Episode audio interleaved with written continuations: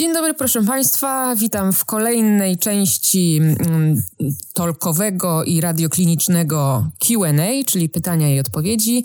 Mm, w tym odcineczku, takim króciutkim, jest ze mną dr Aleksandra Piotrowska z przychodni dla dzieci i rodziców Tolek. Dzień dobry. Dzień dobry Pani, dzień dobry Państwu.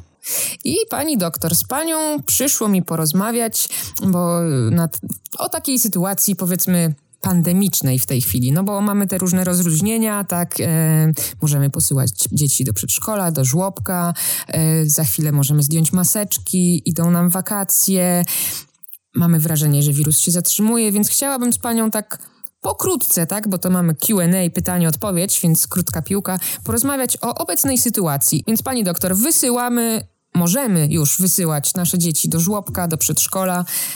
Czy mamy się czego obawiać? Czy możemy to robić? Mm, słucham. E, jeszcze raz dzień dobry Państwu. E, aby y, umieścić tą moją odpowiedź tutaj w pewnym kontekście, e, bardzo proszę tych, którzy nie wysłuchali takiego mojego dłuższego referatu, który można odsłuchać i na stronie Gminy Piaseczno, i na stronie Tolka. Ja tam przedstawiłam pewien kontekst, umieszczając go w, wyniku, w wynikach badań prowadzonych w Holandii oraz sytuacji epidemiologicznej w Szwecji i do tego się też tutaj będę odnosić.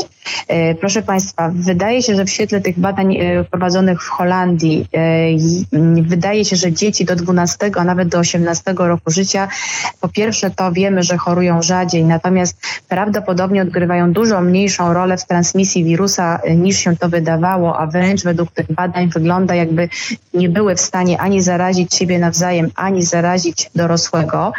Więc tutaj kwestia taka, że dzieci nam się będą między sobą zarażały i będą zarażały personel, wydaje się, że to nie jest y, w tym kierunku.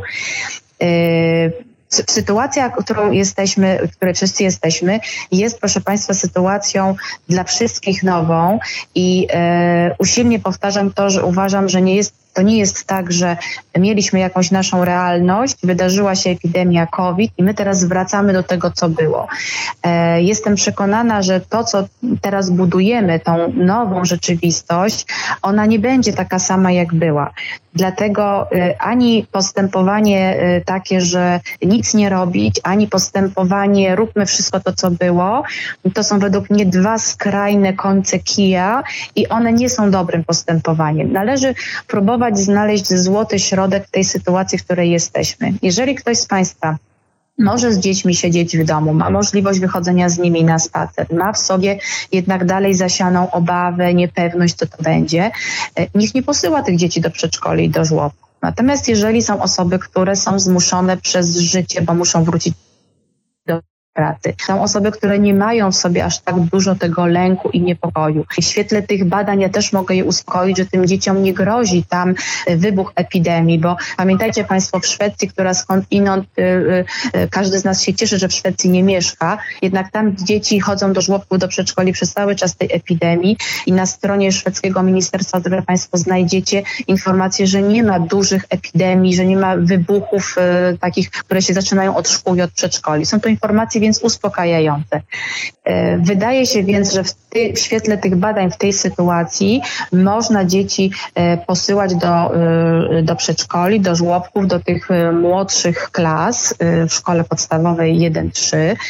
Pamiętajcie Państwo, że tak samo jak Państwo macie swoje obawy, te obawy ma, ma też personel szkolny, od pani burmistrz, od nauczycieli, od dyrektorów z przedszkolu wiemy, że początki były trudne, ale bardzo szybko y, wszystko zostało doprowadzone do takiego stadium, gdzie funkcjonuje to wszystko sprawnie i prawidłowo. Wszyscy się nauczyli nowych procedur, bo proszę Państwa, zetkniecie się z tym, że te nowe procedury są, że trzeba dziecku zbadać temperaturę przed wejściem, że największym zagrożeniem nie są dzieci, tylko są dorośli dla dorosłych i dorośli dla dzieci, więc e, właśnie rodzice, którzy przyprowadzają, powinni jak najszybciej, jak najkrócej przebywać przed przedszkolem, żeby się nie wymieniać, tak? Wiem, że y, przedszkole, szkoły proszą Państwa o takie deklaracje, żeby się podpisać pod tym, że Państwo są świadomi tego, co Państwo robicie. To właśnie będzie ta, e, ta ta, część tej nowej rzeczywistości, którą teraz budujemy. Proszę pamiętać, że niektóre szkoły nie pełnią jakby tego, tego, tej opiekuńczej funkcji w takich godzinach, jak to było wcześniej, więc też proszę wziąć pod uwagę swoją logistykę domową, tak? Jeżeli 4-5 godzin opieki nad dzieckiem to jest za krótko, bo potrzebujecie Państwo 8-10 godzin, żeby wyjść z pracy, też proszę się tym kierować, tak? Natomiast z mojego medycznego punktu widzenia mogę Państwu e, informacje uspokajające przekazać i podkreślić to, że jako pediatra, jako mama dzieci wszyscy to Państwo wiecie. Dzieci chodzą do przedszkoli, chodzą do szkół nie tylko po to, żeby się uczyć, tylko po to, żeby przebywać w grupie rówieśniczej, bo one potrzebują tego do rozwoju. Więc proszę w swoich decyzjach, czy posyłać, czy nie posyłać, uwzględnić też tą kwestię, tak? Jak macie dzieci, Państwo dzieci cztery w domu e, i one się z sobą kontaktują, nie miały takiego szoku izolacyjnego, jak na przykład ktoś, kto ma jedynaka. Więc proszę te wszystkie rzeczy sobie samemu w głowie poukładać e, i i y, na podstawie tych informacji, które macie Państwo ode mnie i swoich możliwości podjąć decyzję. Natomiast jeszcze raz powtarzam, wydaje się, że jeżeli chodzi o dane naukowe, dzieci nie biorą udziału w transmisji wirusa tak, jak wydawało się to na początku. Teraz mamy już tych kilkanaście tygodni doświadczeń europejskich, które właśnie przemawiają na korzyść tego, że dzieci w tej transmisji wirusa na dorosłych i między siebie biorą udział w bardzo minimalnym stopniu, tudzież w ogóle nie biorą. To doskonałe wieści, pani doktor, tak naprawdę. Cieszę się. Dobra, czyli przedszkola wiemy, e, zbliżają nam się też wakacje i tutaj zaczyna się kwestia wyjazdów na kolonie i wiem, że przyszły jakieś nowe wytyczne, mają się pojawić mm, dokładne dane, jak się zachowywać, co dzieciom przygotować i tak dalej. Porozmawiamy sobie oddzielnie na ten temat. Tak myślę, bo to, to, to, to, to będzie taki dłuższy. Tak, proszę Państwa, e, dzisiaj o 10, Boże, o 10 albo 11 dostałam informację, że pojawiły się wytyczne odnośnie tego, e, jak mają wyglądać wyjazdy e, na wakacje. Więc po pierwsze mamy informację, że jest takowa zgoda. Teraz wszystkie organy, które takie wyjazdy chcą organizować, muszą zgłosić się do, kuratorium bodajże do 10 czerwca, jeżeli do, dobrą mam wiedzę w tym temacie takim administracyjnym. Ja się muszę z tymi wszystkimi zaleceniami rozporządzeniami zapoznać, bo są całkowicie świeże, więc nie chcę Państwu tutaj złych informacji podać i to możemy e, się umówić, że e, w najbliższych dniach e, to Państwu też przedstawimy, ale jakby kwestia będzie taka, że jak najbardziej według mnie należy wyjazd dziecka na wakacje, na kolonie, na obóz brać pod uwagę i rozważać, mając na uwadze właśnie to, co powiedziałam, że będą to jednak trochę inne obozy. Będą tam na pewno pewne pewne obostrzenia. Będą od Państwa wymogi, żebyście Państwo się zorientowali, co jest nowego i na pewno podpisali jakieś, jakąś deklarację czy jakieś oświadczenie, że Państwo się zapoznaliście z ryzykiem, że jesteście gotowi to ryzyko wziąć. Na pewno coś takiego tam będzie, a o szczegółach porozmawiamy następnym razem. Tak, porozmawiamy niebawem. Jeszcze tak dopełniając, pani powiedziała, że właśnie dzisiaj y, przyszły wytyczne, to y, ja podpowiem państwu, że dziś to jest 29 maja, bo nie wiem, kiedy państwo będą słuchać naszej rozmowy. Więc niebawem do kolonii wrócimy, ale już pani doktor Piotrowska uspokajająco, może taki trailer wam dała, drodzy słuchacze, że tak, na kolonie jak najbardziej, ale w jakiej formie i co trzeba będzie robić, porozmawiamy o tym niebawem. Pani doktor, wróćmy dalej do naszej mm, pandemicznej sytuacji. Co z tymi maseczkami? Bo całe szczęście już za chwilę są one zniesione, za chwilę, czyli jutro bodaj. Mm, w sensie takim na powietrzu będziemy mogli sobie zdjąć te maski. Będziemy musieli je nosić w miejscach y, bardziej zamkniętych, czyli sklepy, tak, i poczta i tak dalej, i tak dalej. Mm, jakby mogła Pani tutaj nam coś podpowiedzieć? Bo to był bardzo kontrowersyjny temat swojego czasu. Nosić, nie nosić. Tak, to był na pewno temat kontrowersyjny. Ja powiem e, słowem wstępu, e, że e, proszę Państwa, to co e, rządy i e, różne instytucje zarządziły kilka czy nawet kilkanaście tygodni temu, e, to była, mieliśmy wtedy, dysponowaliśmy całkowicie inną wiedzą niż dysponujemy teraz. Więc trzeba pamiętać, jakby sobie swoje różne tam uwagi czy zdanie, wyrabiając dany temat, że teraz dysponujemy całkowicie inną wiedzą niż dysponowaliśmy wtedy. I ta wiedza nam podpowiada, że transmisja wirusa taka powiedzmy populacyjna, że jak się chodzi po ulicach, to ryzyko zarażenia jednej osoby przez drugą wydaje się być zdecydowanie mniejsze, że jednak głównie zarażamy się wtedy, kiedy mamy bliski kontakt, czyli jeden, półtora, według niektórych e, e, organizacji opiniotwórczych do dwóch metrów i jeszcze jest tam też pewien czasowy czynnik, czyli że jest to kontakt, który nie trwa sekundę, tylko jednak trwa powyżej 15 minut. Tu się wszędzie te 15 minut przewija. I w tym... E, czyli mijając kogoś na ulicy, możemy być spokojni, że jednak nie zarazimy się to jest tak, jak ja zawsze mówię, w medycynie nigdy nie ma 100%. No tak. Tak, mhm. że ja nie mogę powiedzieć, że się Państwo nie zarazicie i to teraz Państwo wszyscy wyjdziecie na ulicę i będziecie się Państwo całować. Mhm. To nie o to chodzi. Chodzi o to, że jeżeli mówimy o czymś takim, że my spacerujemy w otwartej przestrzeni i powiedzmy rodzina idzie sobie razem, tak, bo to jakby to zawsze było, że osoby z jednego gospodarstwa mogą być bliżej, ale jeżeli mamy tak, że nie mamy tłoku, nie mamy koło siebie bardzo dużego zbiorowiska ludzi i nawet kogoś miniemy, to ryzyko, jak ten ktoś nie kaszlał i, i nie pluł i nie kichał, e, to ryzyko, że on nas zaraził, wydaje się być no naprawdę minimalne, tak?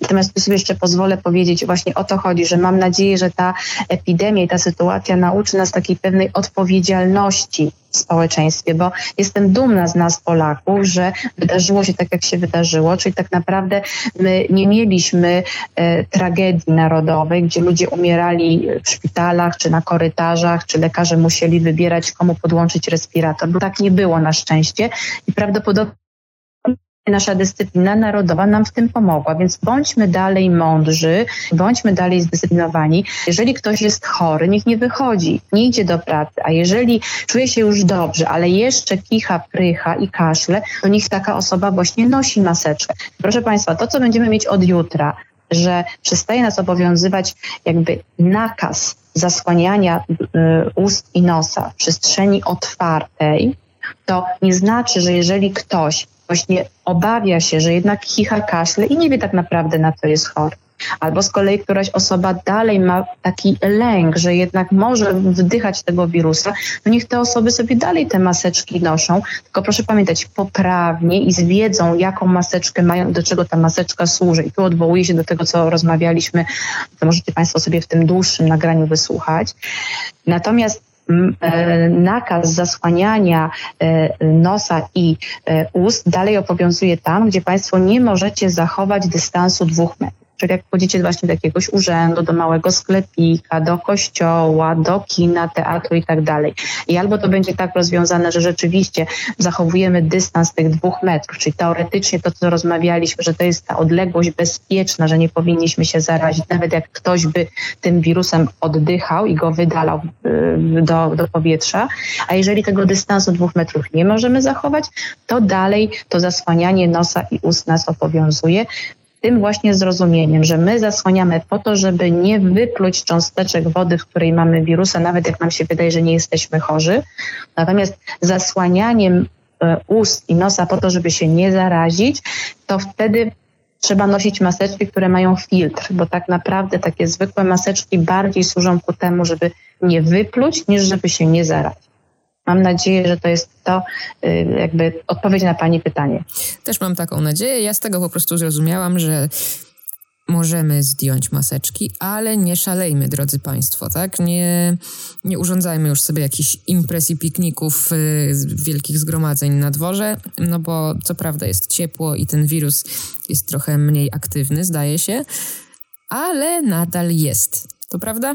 Tak, tak, proszę Państwa, chciałam, żeby tutaj wybrzmiał taki, e, jak, e, jakkolwiek źle to zabrzmi, głos rozsądku. To znaczy, e, pamiętajmy o tym, że cały świat stanął w realnym zagrożeniu nową chorobą. Tak? I ta choroba jest. I ten wirus, który ją powoduje, on jest. Wydaje się na chwilę obecną, jak się patrzy na wszystkie kraje europejskie, że jego zaraźliwość, jego wirulencja, jak my to mówimy, słabnie rzeczywiście. Zachowuje się jak wirus grypopodobny, czyli wtedy, kiedy no my nie mamy tych wirusów grypopodobnych wszystkich innych, to on też słabnie i tak na podstawie tego są wszystkie te tak zwane deeskalacje naszego reżimu prowadzane. Natomiast y, jak on się zachowa w przyszłości, to my dalej tego nie wiemy i proszę Państwa, nikt tego nie wie. E, to przyniesie nam, na to pytanie przyniesie nam odpowiedź samo życie. Za kilka miesięcy zobaczymy, co się będzie działo na, e, na jesień e, i y, zachowujmy się rozsądnie. Mając tą wiedzę, czym jest ten wirus, jak się zarażamy, jakie jest mniejsze ryzyko, kto na pewno zaraża, na pewno nie zaraża. Starajmy się zachowywać zdrowy rozsądek, tak?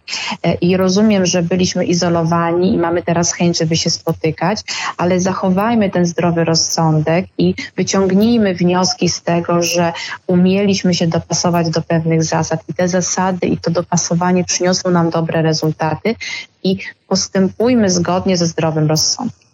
No i myjmy dalej ręce, bo mam nadzieję, że przynajmniej tyle nauki y, ten wirus nam dał. Tak, jestem bardzo, bardzo szczęśliwa i mam nadzieję, że to akurat jest rzecz, która zostanie z nami na zawsze, że ręce myjemy mydłem, potem go dobrze te ręce spłukujemy i że robimy to zawsze przed i po jedzeniu, po wyjściu z toalety i zawsze po powrocie do domu z jakiejkolwiek innej przestrzeni, czyli przynajmniej 8-12 razy y, na dobę. I mam nadzieję, że to zostanie z nami, bo to jest rzecz, która pomaga w bardzo wielu innych rzeczach, a nie tylko y, hamuje rozprzestrzenianie się y, choroby COVID-19. To czy pani doktor, tak na koniec, wracając taką klamerką do, do dzieci, czyli naszego wspólnego tematu. E, ja rozmawiałam z doktorem Kubiakiem na ten temat i on jakby szerzej wyjaśnił, mówię tutaj o szczepieniach. E, jakby pani mogła tak w ramach tego QA krótko powiedzieć, czy bać się teraz szczepień, tych wszystkich obowiązkowych, dodatkowych, czy jednak przyjść do tej przychodni i zaszczepić dziecko? E, dwa aspekty tego.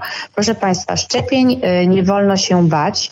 E, szczepienia nie zostały zawieszone w Polsce czy w innych krajach na krótki okres początku pandemii, dlatego że jest niebezpiecznie szczepić się w momencie, kiedy mamy nową chorobę. Zostały te szczepienia zawieszone tylko i wyłącznie po to, że na początku pandemii było widać, że głównym miejscem, w którym ludzie się zarażają, no to są miejsca, do których przychodzą ludzie chorzy. Jest to skądinąd oczywistością, prawda? Więc e, zawieszono szczepienia, zawieszono takie procedury jak na przykład odczulanie, czyli sytuację taką, że do przychodni, potencjalnie przychodzą ludzie chorzy, przychodzą też ludzie zdrowi się zaszczepić i tam przy okazji tak zwane złapią tego wirusa, no i nie dość, że sami będą chorzy, no to jeszcze rozniosą tego wirusa dalej. To była jedyna przyczyna, dla której zostały zawieszone szczepienia. Teraz mamy dwie rzeczy. Po pierwsze, przychodniach, jak Państwo wiecie, jest dużo mniej e, osób, dlatego ponieważ e, są teraz preferowane teleporady i tylko ci, którzy muszą przyjść do przychodni, przychodzą. A po drugie, wszystkie przychodnie, które realizują takie procedury jak szczepienia czy odczulania, realizują je w innym trybie. Zapraszają mniejszą ilość pacjentów. Pacjenci są tak kierowani, żeby najczęściej w ogóle nie stykają się z żadnymi innymi chodzą na konkretną godzinę do gabinetu, e, po zaszczepieniu siedzą w tym gabinecie albo są przekierowani do innego gabinetu, gdzie są sami te 20-30 minut po szczepieniu i wychodzą z przychodni. Nie oczekują wspólnie z innymi rodzicami, więc przychodnie zrobiły wszystko, żeby ograniczyć ryzyko kontaktu jednych osób z drugich, nawet niby tych samych zdrowych. Natomiast druga kwestia, jest taka, że proszę Państwa, to, że mamy nową chorobę, która się nazywa COVID-19, to nie znaczy, że wszystkie inne, które do tej pory mieliśmy i znaliśmy, nas cudownie opuściły. Nie, więc takie choroby jak grypa, jak sztusiec, jak y, spowodowane przez wirus RSV, one teraz jest ich mniej. Tak jak powiedziałam, u nas sezon grypowy y, jest zawsze w wakacje zdecydowanie cichszy, natomiast one do nas w okresie października, listopada, grudnia wrócą te wszystkie choroby.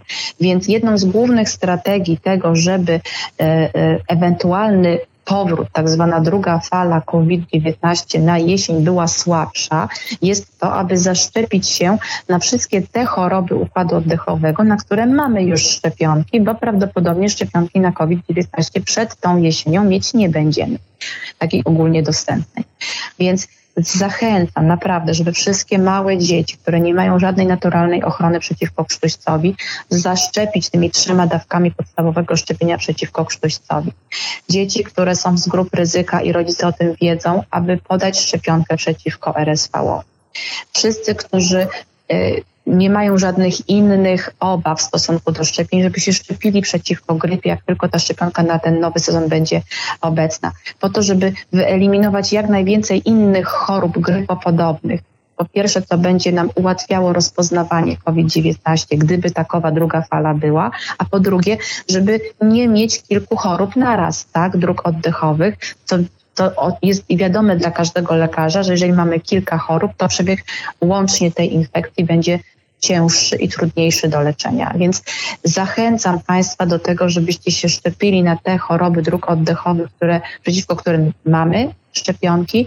I dorzucę tylko jeszcze o tej odrze. Pamiętajcie Państwo, no w, Polsce, w Polsce ten problem odry nie był bardzo e, nasilony, tak jak w krajach zachodnich, gdzie ruchy antyszczepionkowe no, zdecydowanie większe żniwo, że tak powiem, zasiały i zebrały. E, szczepmy się przeciwko odrze, dlatego ponieważ e, jak mamy jeden problem epidemiczny, naprawdę niepotrzebny jest nam drugi. Także zachęcam do tego, żeby się zapisywać na szczepienie, żeby sobie sprawdzić, jak dana przychodnia działa. Zapewniam Państwa, że z przychodni i lekarze zrobili wszystko, żeby ryzyko zakażenia COVID-19 no właściwie wyeliminować, no zminimalizować do, do jakichś tam po prostu ułamków procent. Uspokoiła nas Pani. Dziękujemy bardzo.